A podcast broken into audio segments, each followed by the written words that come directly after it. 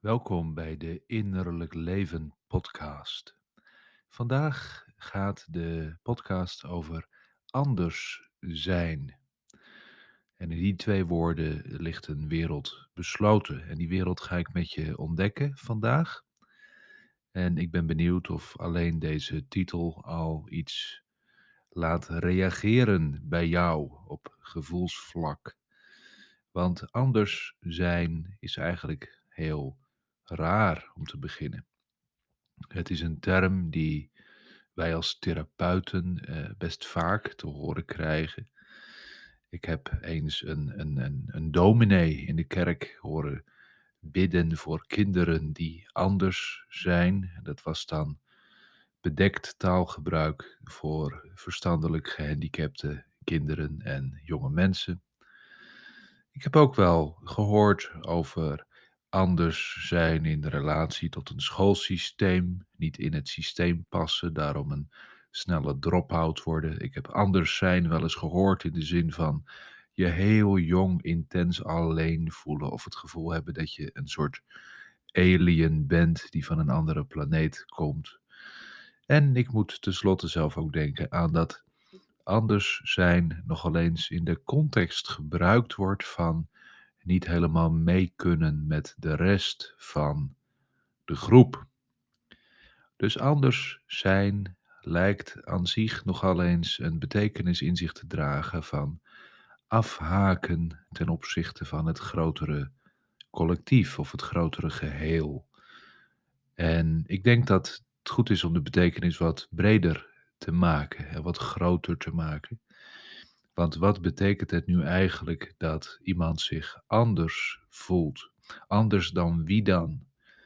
Statistisch gezien is het eigenlijk belachelijk om over normaal en abnormaal te spreken. Want normaliteit, dat zijn afspraken die we eigenlijk maken op basis van statistiek.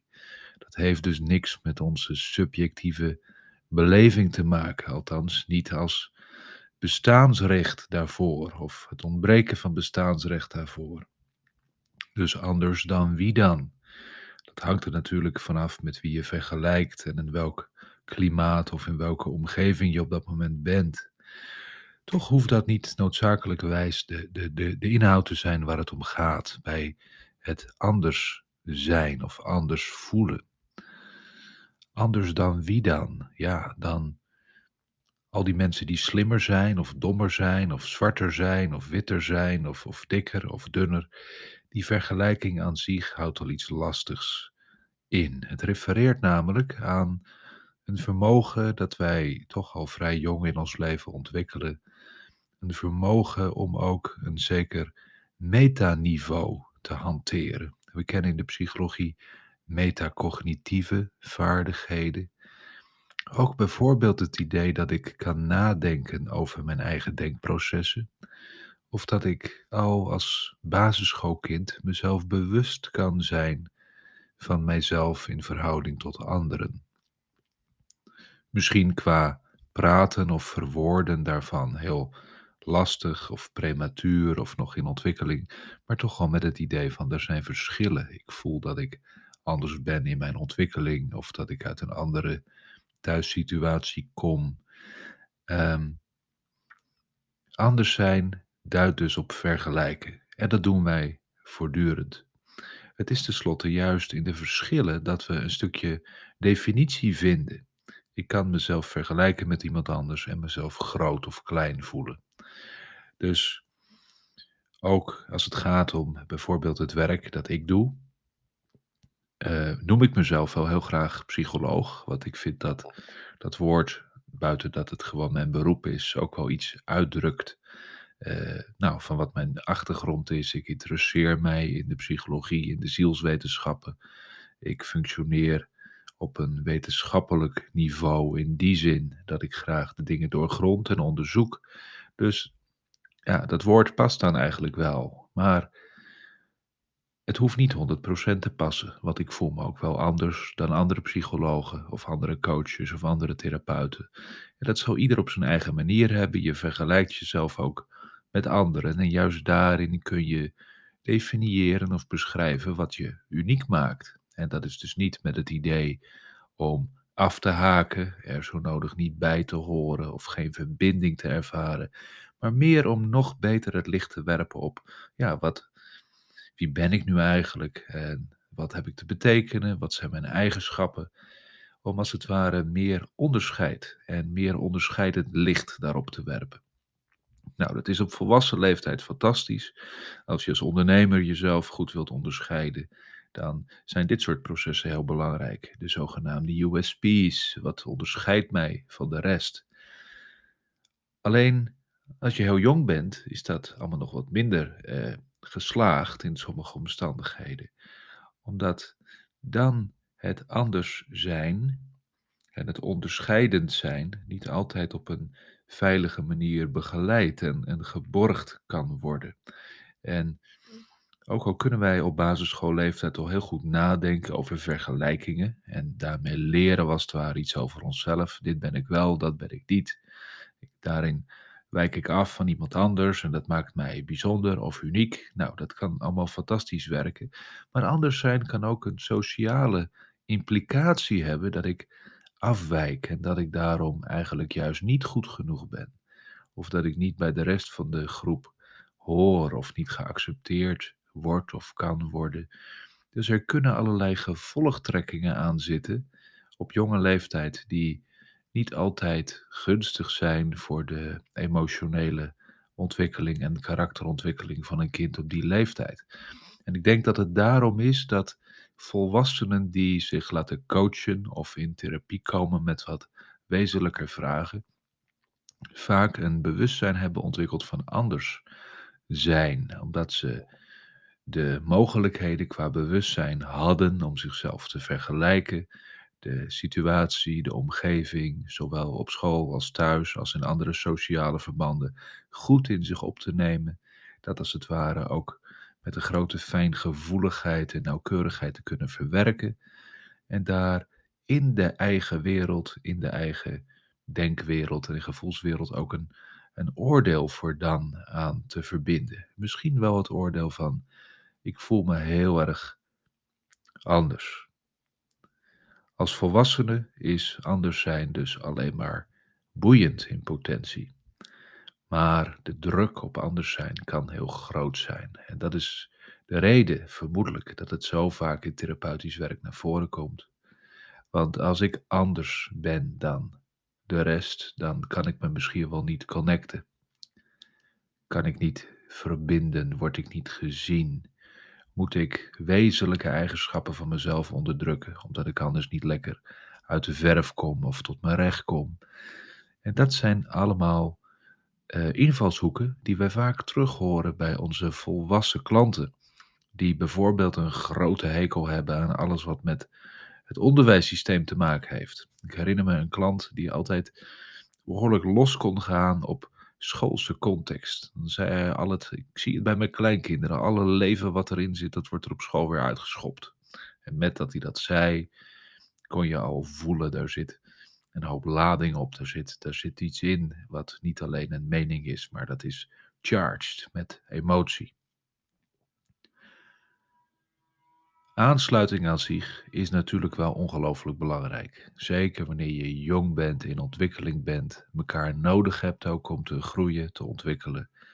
Verbondenheid nodig hebt om je veilig te weten, gezien te voelen. Uh, en al dit soort dingen gaat het nogal eens mis. En dat komt dan wel eens op volwassen leeftijd naar buiten. Een diep verstopt oordeel over jezelf dat je anders bent. Dat je dingen ziet en voelt die anderen niet opmerken. Wat leidt tot een zekere eenzaamheid. Ik verwerk dat wel in mezelf. Ik heb dat allemaal waargenomen en ik moet daar zelf mee dealen. Uh, zeker bij mensen die op volwassen leeftijd zich herkennen in hoogbegaafdheid, in hoogsensitiviteit, in vormen van emotioneel tekort in hun jeugd of zoals eerder besproken, alle facetten van jonge emotionele ervaringen waar iemand als Alice Miller over schrijft. Dat zijn allemaal voorbeelden van wat mensen soms meebrengen op volwassen leeftijd. En waarom is dit nu zo belangrijk?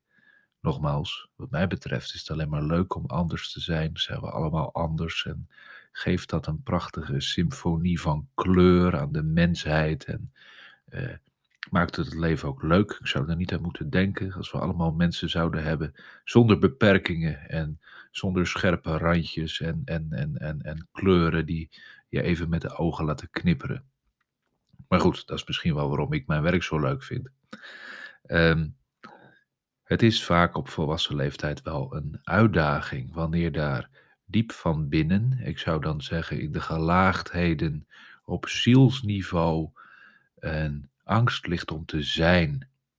Omdat dat zijn, onvoorwaardelijk, gewoon wie je bent, wie je wezenlijk bent, de unieke blueprint die je van binnen meedraagt, dat die misschien wel reacties heeft opgeroepen in de loop van de tijd. Of dat is niet misschien, dat weet ik wel zeker, want ons hele leven is een spel van reacties, ook reageren op elkaar. En als dat in kwetsbare ontwikkelingsfasen, zoals de puberteit, adolescentie, jonge jaren, eerste jaren kleuterschool of juist de leeftijd rond een jaar of acht, negen, dat je wat meer ja, die bovenkant basisschool mentale processen, groeiprocessen doormaakt. De leeftijd waar we nogal eens denken dat ook een nieuwe laag van leerervaringen weer in, in schema's, denkschema's over jezelf en over de wereld wordt gevormd. Dat soort fasen in de ontwikkeling van uh, kinderen, zal ik gemakshalve maar even zeggen, is ongelooflijk, zijn ongelooflijk belangrijk.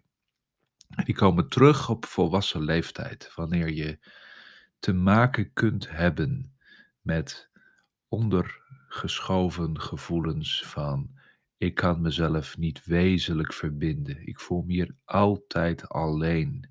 Ook al weet ik dat ik hier heel populair sta te zijn en ik zou uitwendig gezien eigenlijk dit helemaal niet moeten voelen, maar toch is dat ergens in mijn bewustzijn wel aanwezig. Ik kan er niet tegen liegen. En mezelf echt opengeven, echt contact aangaan. Ik weet dat ik er leuk uitzie, mooi uitzie. Ik weet dat ik bewonderd of geaccepteerd of geliefd ben, maar toch, there is something. Nou, dat soort relatief onverklaarbare en ogenschijnlijk subtiele punten van gevoel komen vaak voor, juist bij mensen die heel erg getalenteerd zijn en dus per definitie, plat gezegd, wat boven het maaiveld uitsteken. En juist ook wanneer je in een grote ontwikkeling met jezelf staat. Want wanneer je in een grote ontwikkeling met jezelf staat, dan komt alles aan de oppervlakte. Ben je kwetsbaar? Ligt het open en bloot? Het hoeft helemaal niet in een negatieve zin te zijn dat je in een burn-out zit of een depressie of een verslaving. Nee, het kan ook te maken hebben juist met periodes van sterke persoonlijke groei, waarin als het ware alles, je hele hebben en houden naar buiten komt, naar de voorgrond komt. En je werking toeneemt, zoals dat in coachingskringen wel eens wordt genoemd. Dus je roept ook reactie op. Juist de spiegels die je dan vanuit je omgeving weer terugkrijgt, kunnen raken aan dit soort hele jonge ervaringen van anders zijn. Kan mensen angstig maken, waardoor ze zich niet meer onbevangen openstellen, bang zijn voor hun eigen kracht en invloed en impact. Of eigenlijk in hun hoofd gaan zitten, onderhandelen, eindeloos mentaal worstelen met zichzelf, in zichzelf, in een soort geslotenheid, omdat de angst eigenlijk zo groot is om gewoon ongelimiteerd jezelf te zijn en uit te stralen wie je bent en wat je in je hebt. Nou, dit is wat mij betreft een schets uit de praktijk als het gaat om anders zijn. En anders zijn heeft dus vaak een wat negatieve klank, want anders zijn, dat betekent dat je niet mee kunt of niet kunt aansluiten. En daar hebben we denk ik collectief wel een oordeel over meegekregen. Anders zijn is strijdig met populariteit, met erbij horen. En dat is onwenselijk. Toch kan het juist wanneer je een bewust levend mens bent met een grote hang naar ontwikkeling, naar verandering. Misschien ben je een pionier in je vakgebied. Heb je een unieke missie of een gevoel daarvan, waarbij je als het ware voelt dat je hier niet voor niets bent en dat je iets na hebt te laten. Juist in pionierswerk zijn we per definitie afhankelijk van mensen die anders zijn. Ga maar eens kijken naar de mensen die bewierookt worden om hun prestaties en om hun uitvindingen. Het zijn meestal niet de mensen die het best in het systeem pasten. Soms zijn het high school dropouts of zijn ze afgewezen door zo ongeveer alles wat in onderwijssettings aanwezig was. Of zoals bijvoorbeeld dat mooie boek van Matthew Paris ook schetst, zijn de groten der aarde zelf getekend door allerlei vormen van trauma. Zijn dat de zielsinvloeden die ze meenemen in hun volwassen leven en wat juist het beste in hen naar boven haalt, als je dat tenminste zo één op één kunt verbinden met elkaar. Het is dus als je pioniert per definitie zo dat je anders bent, want je gaat iets doen wat de mainstream nog niet doet of nog niet aan denkt of zich nog niet bewust van is. En juist wanneer je dus een bewuste leider of ondernemer bent, toch wel de doelgroep die wij met TrueUnify bedienen, dan is er altijd een bepaalde mate van anders zijn. En het is de kunst om dit anders zijn ehm, van functie en van context te laten veranderen op zo'n manier dat het in lijn komt met de diepere missie of opdracht die je voelt. Dus als anders zijn emotioneel beladen is, kan het je in de weg staan om je ware boodschap uit te dragen, omdat je eigenlijk nog steeds dat meisje in je draagt wat bang is om buiten de boot te vallen, op de basisschool, in de gymles, bij wijze van spreken. Het kan ook zijn dat er juist een zekere rebellie in zit. In dit klote systeem wens ik mij niet thuis te voelen. Dus dat je wat oppositioneel of recalcitrant gedrag vertoont, eh, waardoor je eigenlijk juist niet altijd de handigheid hebt op volwassen leeftijd om eh, goed mensen aan je te kunnen binden die je misschien wel nodig hebt om die missie te realiseren of dat doel te kunnen bereiken. Dus een contextverandering is nodig om te zien hoe kunnen we de emotionele impact, de emotionele betekenis die dit thema met zich meebrengt, hoe kunnen we dat ten dienste brengen van het hogere doel dat je eigenlijk hebt. En wat je vermoedelijk niet 100% helder hebt, maar helder genoeg om te weten dat je daar naartoe wilt of dat je dat wilt gaan realiseren. En anders zijn, ja, wij hadden vorige week nog een retraite met een kleine groep van onze klanten. Toen ging het even over pionierswerk. Dat het vaak ook tegen de klippen op uh, werken is. En dat wanneer je iets nieuws doet, uh, dat het vaak voelbaar op weerstand en op onbegrip stuit, totdat je pionierswerk erop zit. En dan is er ineens een grote groep mensen die er wel mee aan de gang wil. En dan komt er een tweede golf van mensen die uh, misschien wel zeggen dat ze het hebben uitgevonden of dat ze daarin zoveel werk hebben verzet. Maar het echte pionierswerk, dat is met de reden pionierswerk. Het brengt iets wat er nog niet is en wat transformatief is, waar een zeker bewustzijnsverschil in zit. Je brengt iets wat andere mensen nog niet doen of nog niet doorhebben. En dat kan dus een hele positieve connotatie zijn bij anders zijn. En veel van de mensen met wie wij werken zijn wat dat betreft anders. Ik noemde als referentie woorden even termen als hoogbegaafd of hoogsensitief of hoogbewust. Maar ja, eigenlijk dat woordje hoog is ook alleen maar een voorzetsel om iets te doen met anders. Maar al die woorden, die, die, daar haak ik eigenlijk persoonlijk meteen op af, omdat ze ook niet waar recht doen aan de mensen aan wie ik dan refereer. Het zijn maar woorden, maar het geeft wel iets aan van dat er in deze mensen iets is waardoor ze anders functioneren of misschien zich anders verhouden tot het systeem of in de omgeving waar ze op groeien. Hoe kun je er nu voor zorgen dat anders zijn een kracht wordt?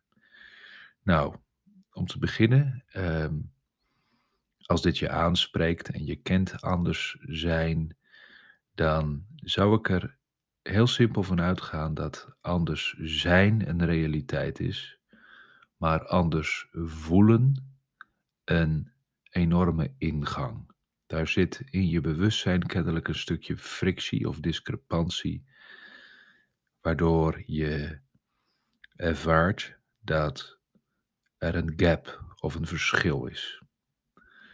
Nou, dat verdient exploratie. Het zou heel goed kunnen zijn dat hierin namelijk iets met jou gebeurt waarin jouw ziel aan het werk is. En met ziel bedoel ik dan het meest wezenlijke, in essentie onzichtbare gebied van jouzelf of in jouzelf. Dat echter wel het meest belangrijke eigenlijk is in je leven, wat voortdurend terugkomt, wat je leven beweegt en drijft. Juist wanneer dat heel sterk ontwikkelt, kun je soms diepe eenzaamheid voelen of een anders zijn, omdat je georiënteerd raakt op een betekenislaag of een bewustzijnslaag die niet voor iedereen makkelijk bespreekbaar en toegankelijk is. En dat kan ertoe leiden dat je met sommige mensen juist heel gemakkelijk woordeloos kunt verbinden en in andere ontmoetingen gewoon afketst. Aanvankelijk soms onbegrijpelijk. Als je daar wat vaker mee te maken hebt en je bent er goed in begeleid, dan kun je daar ook de logica wel van gaan inzien en daar beter mee omgaan. Maar anders zijn is dus een statistisch gegeven. We zijn allemaal anders. Anders voelen is ook een ingang. En hij is dermate subtiel uh, dat het misschien uitnodigend is om dat een beetje te negeren. Nou, niet zo zeuren met dat anders voelen. Doe maar gewoon normaal, dan doe je al gek genoeg. Nou nee, ik zou je willen uitdagen om dat wel te exploreren. En natuurlijk uh, kan ik je heel veel bieden in de zin van dat wij heel veel werk doen met mensen die dit anders voelen, ook gaan inzetten ten dienste van hun grotere missie en, en levenswaarden, levensidealen.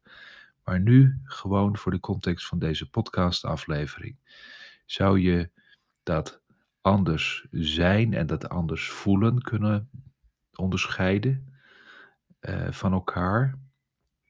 En vooral aan de slag gaan met het anders voelen. Dus neem dat eens serieus. Wanneer voel je je nu eigenlijk anders? In welke situaties is dat? Of met dat je nu luistert, kun je dat misschien nu zelfs wel voelen. Waar zit dat vervolgens in je lichaam? Is er een locatie die als het ware opspringt, die als eerste ook reageert? En de volgende verkennende vraag is: welke leeftijd zou je hier spontaan bij noemen? Misschien ben je 36 of 46 of 56, maar het gaat me natuurlijk om een spontane gevoelsleeftijd. Soms kun je iets voelen, ook al weet je dat je uh, een bepaalde leeftijd hebt, maar het voelt jonger. Of er is een bepaalde context of een herinnering die daarbij komt. Of bepaalde mensen bij wie je dit heel gemakkelijk voelt. Durf dat eens te exploreren. Je zou dat ook kunnen doen door gewoon je ogen dicht te doen, pen en papier te pakken en gewoon eens vrij te associëren met je ogen dicht, zomaar wat schrijvend. Bij welke mensen, in welke situaties voel ik mij zo anders? En het doel is niet dat je je zo nodig anders of hetzelfde moet voelen. We hebben namelijk al lang besproken, dat is een gegeven. Iedereen is anders en toch is op heel veel belangrijke elementen iedereen ook eh, op bepaalde vlakken hetzelfde. Maar het gaat me om de beleving die samenhangt met aansluiting, met verbindenis hebben met jezelf, met anderen. En natuurlijk ook de manier waarop je dat vervolgens inzet in je leven, je volwassen leven. Ook al zijn de roots misschien wel te vinden in jongere jaren of in ontwikkelings- en hechtingservaringen. Of misschien zijn het ook wel invloeden van wat wij dan in jargon transgenerationele sporen noemen. Dat onopgeloste shit op dit vlak van ouders, voorouders, grootouders ergens zomaar doorcijpelt in de familielijn. Nou, ik hoop dat dit wat ideeën geeft om stil te staan, te reflecteren op anders zijn, maar vooral anders voelen. En dat je dit kunt inzetten als kracht in een wereld die denk ik heel veel transformatie nodig heeft. En dat zeg ik niet omdat toevallig uh, vandaag de 16 maart de verkiezingsuitslagen nog wat binnendruppelen. Maar omdat ik ervan overtuigd ben dat meer en meer dat innerlijke beginsel, het innerlijke leven, het heet niet voor niks de Innerlijk Leven podcast, belangrijker wordt voor mensen. Dat niet alleen het dagelijkse leven en al onze, onze instituten en wat we zo gewend zijn te doen, maar ook ons ondernemerschap en ons leiderschap in ons bedrijf of in onze organisatie, ook de toepassing van psychologie als wetenschap, steeds meer moet verinnerlijken, omdat mensen collectief meer gaan vragen naar de vragen van de ziel. Ik hoop dat dit heel inspirerend voor je was. En als je hierover in gesprek wilt, dan ben je altijd welkom.